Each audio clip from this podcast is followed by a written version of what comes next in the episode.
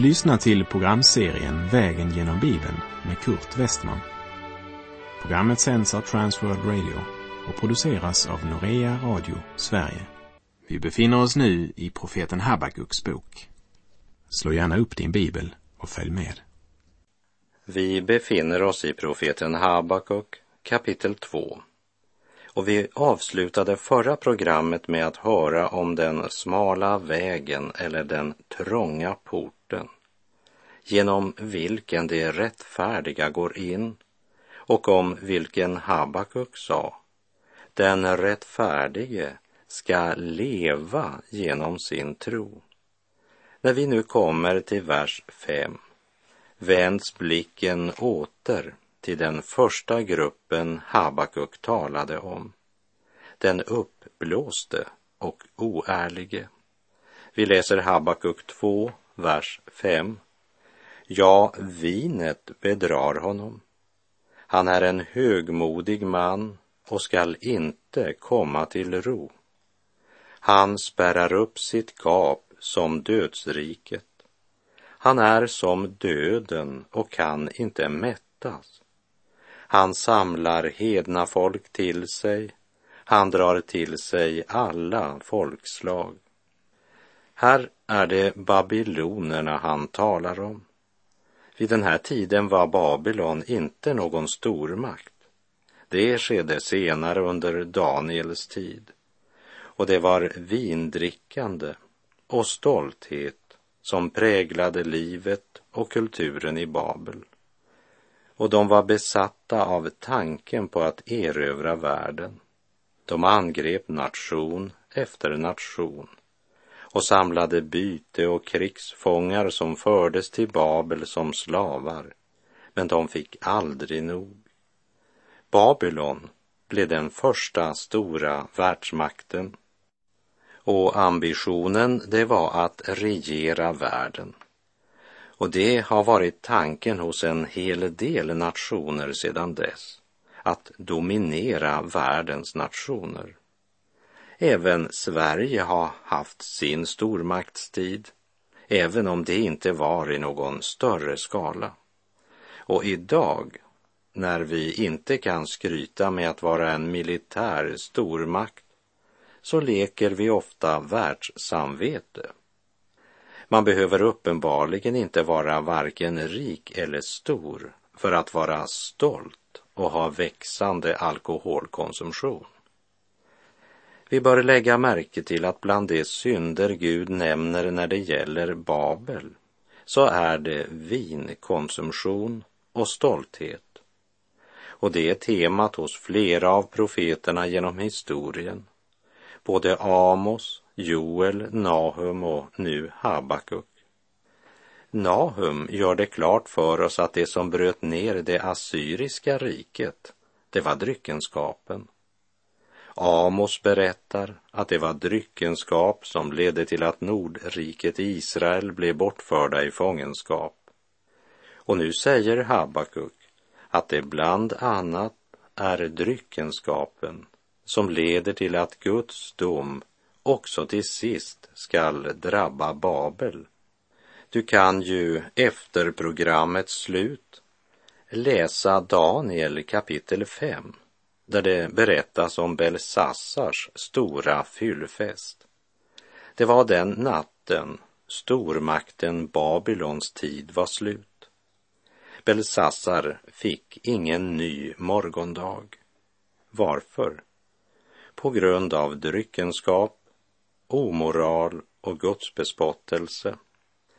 Det var en natt fylld av frosseri och fylla. De kände sig så trygga och säkra i sin välbefästa stad och vinet fyllde dem med övermod. De triumferade och kände sig som säkrast just innan katastrofen var ett faktum, precis som på Noas tid. Det var dryckenskap och omoral som orsakade även romarrikets fall. Och dryckenskap droger och omoral kommer också att föra vårt land mot stupet. i en tid då konferens bara blivit ett annat ord för alkohol går vi från kris till kris samtidigt som vi serveras med den ena falska trösten efter den andra. Hur länge kan ett land bestå vars grund är alkohol, omoral och spruckna äktenskap? I Ordspråksboken 30, verserna 11 till och med 14 läser vi. Det finns ett släkte som förbannar sin far och inte välsignar sin mor. Ett släkte som är rent i egna ögon, men som inte har tvättat bort sin smuts. Ett släkte, hur stolta är inte dessa ögon? Och hur fulla av högmod är inte deras blickar? Ett släkte vars tänder är svärd och vars käkar är knivar så att det äter det arma ur landet och det fattiga ur människors krets. Ordspråksboken 30 ger oss egoismen och ogudaktigheten i ett nötskal. Ett släkte som är rent i egna ögon, men som inte har tvättat bort sin smuts. Stolta ögon och fulla av högmod. Habakuk säger, en högmodig man ska inte komma till ro och vinet bedrar honom. Så följer Herrens verop över Babylon. Habakuk 2, vers 6. Till sist blir han ändå en visa för alla, ett mål för pikar och glåpord. Man ska säga, ve dig som gör dig rik på andras ägodelar.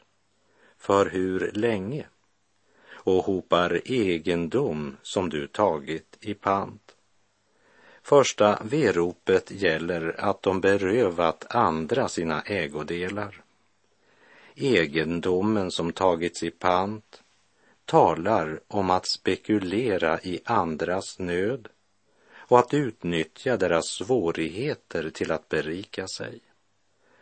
Och det var mer än en nation som fått känna av Babylons armé som skövlade allt i sin väg. Allt av värde fördes till Babel. Men varningen gäller ju varje ogudaktig människa som på orätt sätt skaffar sig vinning på andras bekostnad. Habegäret är omättligt för ju mera det får, desto mera önskar det. Herrens verop ljuder över det folk som inte har någon annan rikedom än världens gods och guld, mänsklig berömmelse och ära. Ett folk som inte är rik inför Gud. Här går mina tankar till Jesu ord i Lukas 12 om den rike mannen till vilken Herren sa, du dåre, i natt skall din själ utkrävas av dig. Och vem skall då få det du har samlat ihop? Så går det för den som samlar skatter åt sig själv men inte är rik inför Gud. Lukas 12, vers 20 och 21. Ve dig som lägger på hög det som inte är ditt, ljuder veropet över Babylon. Och Herren säger, Habakuk kapitel 2, vers 7. Plötsligt skall de skuldsatta resa sig. De skall vakna och få dig att darra och du blir själv deras byte. Det är den gudomliga principen att man måste skörda vad man har sått, som här än en gång möter oss. Herren säger, du tar något från någon, sedan kommer en annan och tar allt ifrån dig. Och när det medopersiska riket växte till en stormakt kom de och gjorde rent hus i Babel och över natten blev den stora floden Eufrats vatten som strömmade genom staden avskuren och led andra vägar och lämnade flodbädden torr. Och en armé med Mediens general i spetsen tågade in i Babel och överraskade alla. Och det är just det som kännetecknar den ogudaktige, överraskningsmomentet. Habakuk kapitel 2, vers 8.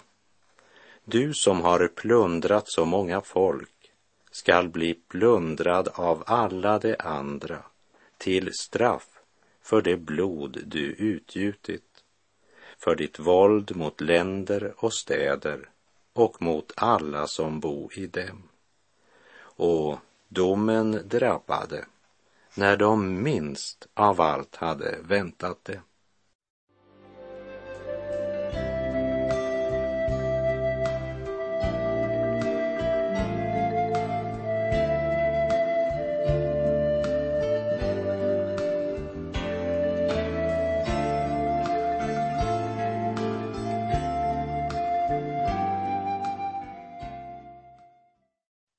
Det andra veropet det gäller än en gång orätt vinning.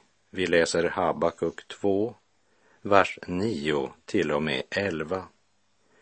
Ve den som skaffar orätt vinning åt sitt hus för att bygga sin boning högt upp och så rädda sig undan olyckans våld. Till skam för ditt eget hus har du planerat att förgöra många folk och syndar så mot dig själv. Ty stenarna i muren skall ropa och bjälkarna i trävirket ska svara dem. Vid sidan av dryckenskap så var det girigheten som rådde i Babel. De hade begär till allt som tillhörde andra och de trodde att om de bara hade nog med rikedomar så skulle ålderdomen vara tryggad.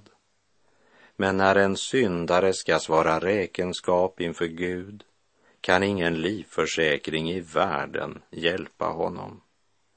I Efeserbrevet 4.19 talar Paulus om dessa som utan att skämmas kastar sig in i utsvävningar och bedriver all slags orenhet och får aldrig nog. Ut utan att skämmas. Det vill säga, synden har förblindat dem så totalt att de inte inser att de genom allt detta drar skam över sig själva. Habakuk ropar till skam för ditt eget hus. Det vill säga, det slår tillbaka på dig själv.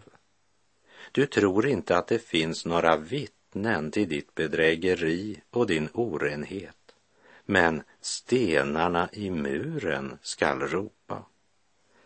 Inte bara människor, men också yttre omständigheter ska vittna emot dig.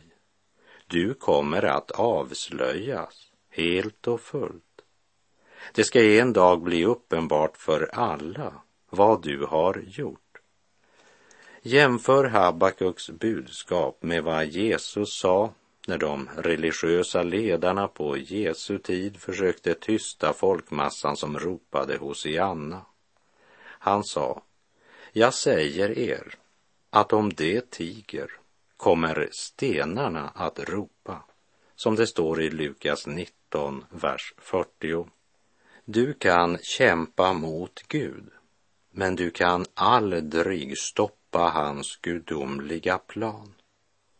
För det kommer till en punkt då till och med själva skapelsen skall vittna emot dig. Eftersom allt som sker skall steg för steg avslöja dina synder. Det kommer en sådan dag för alla obotfärdiga syndare som inte vill omvända sig till Herren. Det tredje veropet gäller den girighet som går så långt att den inte drar sig för att krossa andra för att nå sitt mål. Vi läser vers 12. Ve den som bygger städer med mord och lägger dess grund med brott. Herren Sebot har ju sagt, folkens mödor blir eldens rov, deras slit mynnar ut i intet. När man betraktar mänsklighetens historia och ser all den ondska, våld och brutalitet som människorna utövat mot varandra efter syndafallet måste vi säga att det är vansinne. Förblindad av synden och driven av egoismen har varje nation menat att de gjort rätt när de dragit ut i krig.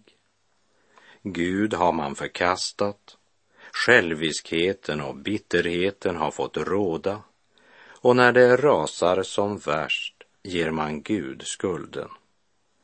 Hur ska man kunna tro på en kärleksfull Gud?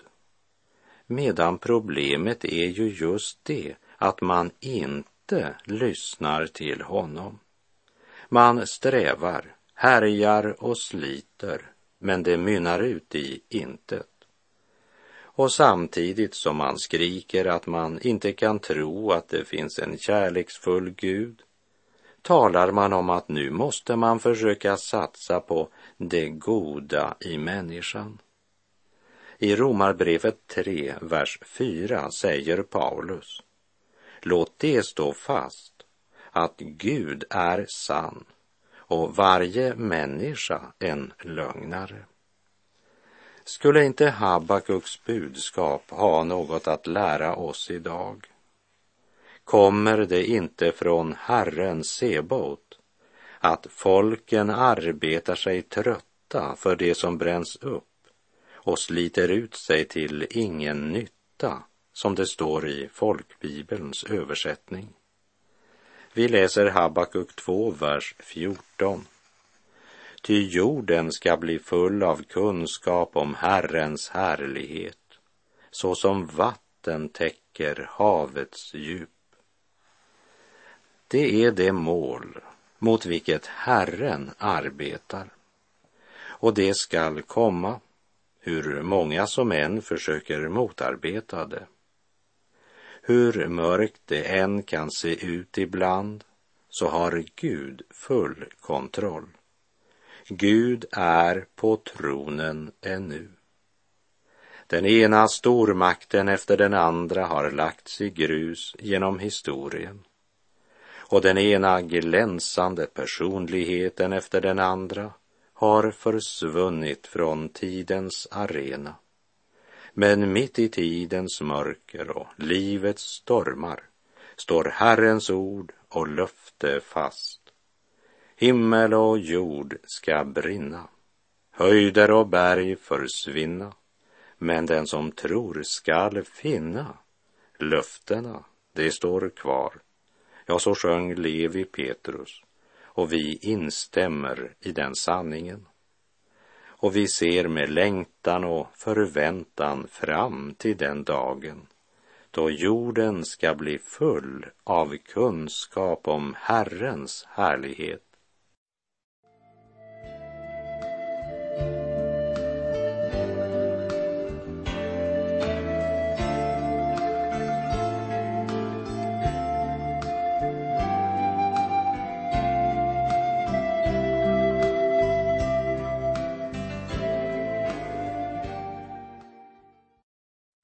Vi läser profeten Habakuk kapitel 2, vers 15.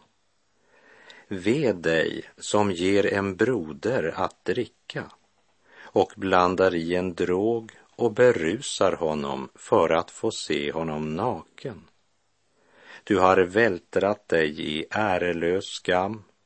Drick också du tills du blottar din oomskurna lem nu får du smaka bägaren som Herren räcker dig. Vanära ska komma över din härlighet. I vers 5 talade profeten om den som blev bedragen av vinet, alltså den som berusade sig själv. Han är en högmodig man som inte ska komma till ro, blev det sagt. Men här talas om berusning av ett annat slag.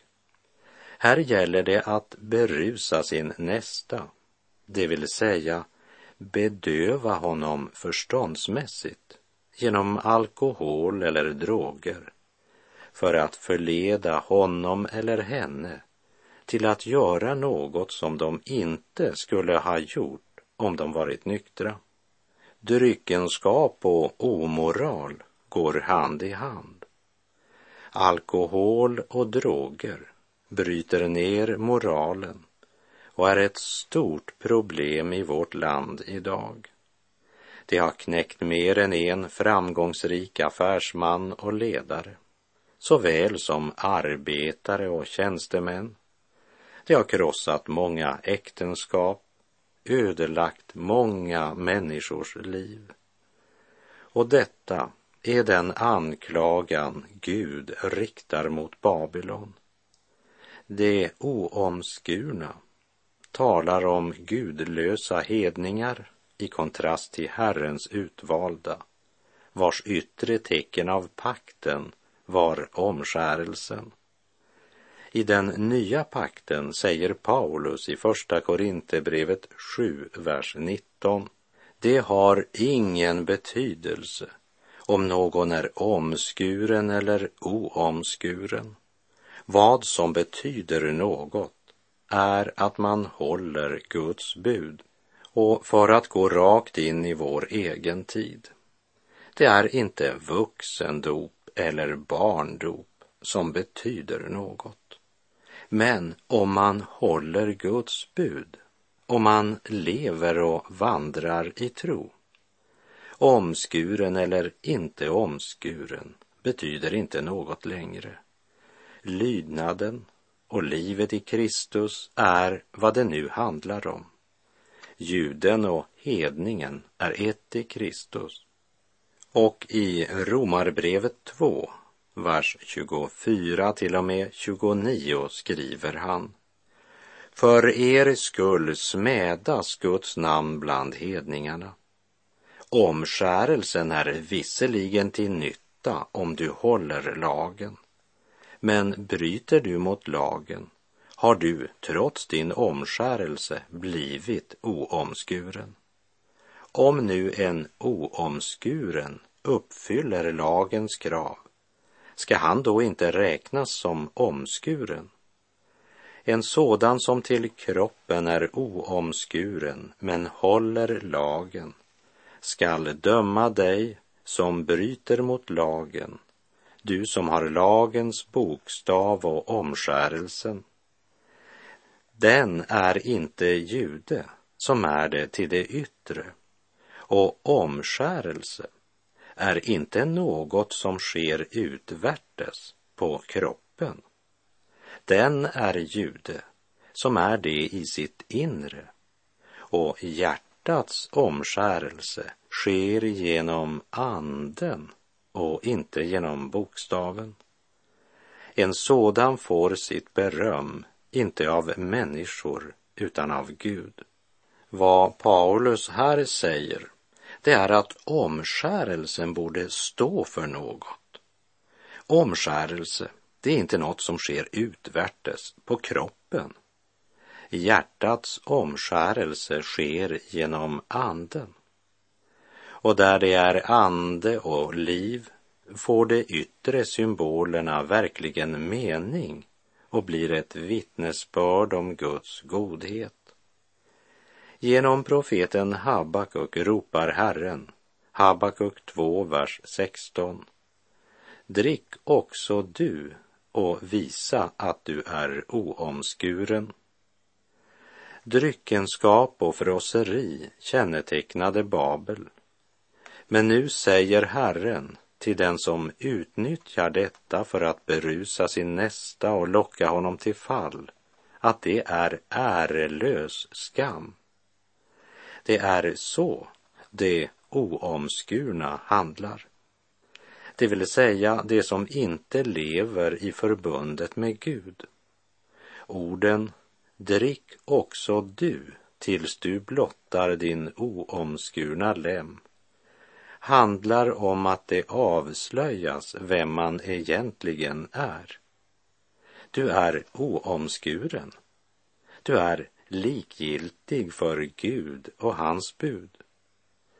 Ditt sätt var att göra andra berusade. Men när du minst har väntat det skall du själv bli tvungen att dricka. Men inte en bägare som skänker ett behagligt rus, utan den bägare som innebär att du måste skörda vad du har sått. Bägaren i Herrens hand skall vändas mot dig. Nu får du smaka bägaren som Herren räcker dig. Och nu frågar Herren vad nytta de tror sig ha av avgudarna, det vill säga av allt det som de haft sin glädje i och förtröstat på. Vad nytta har de av det nu när de ska möta Herrens dom? Vi läser Habakuk kapitel 2, vers 18. Vad nytta gör en avgud som en människa har skurit till? Eller en gjuten avgud som är en falsk vägledare? Ty den som gör den förtröstar på sitt eget verk. Han gör avgudar som inte kan tala. Allt vad vi gör hoppas på och bygger på oberoende av Gud det är en avgud. Ty den som gör den förtröstar på sitt eget verk. Han gör avgudar som inte kan tala. Är det skriftens Gud du tror på? Eller har du gjort dig en egen bild av vem Gud är? Då är det en avgud, även om du kallar honom Gud. Får Gud tala till dig genom sitt ord och sin helige ande? Eller är det en avgud du har? Är det en avgud så kan han inte tala, det vill säga, då är det du som måste stå för pratet. Och även om den skulle vara överdragen med guld eller silver, det vill säga om den Gud du har gjort dig har en aldrig så glänsande fasad så är det ingen ande i den, säger Habakuk och avslutar. Men Herren är i sitt heliga tempel. Var stilla inför honom, hela jorden. Stressa inte så mycket. Prata inte hela tiden. Var inte så fruktansvärt aktiv var stilla inför Herren, med andra ord. Ge honom en chans att tala till dig innan det blir för sent. Och med det så är vår tid ute för den här gången. Sök Herren medan han låter sig finnas. Åkalla honom medan han är nära. Herren vare med dig Må hans välsignelse vila över dig. Gud är god.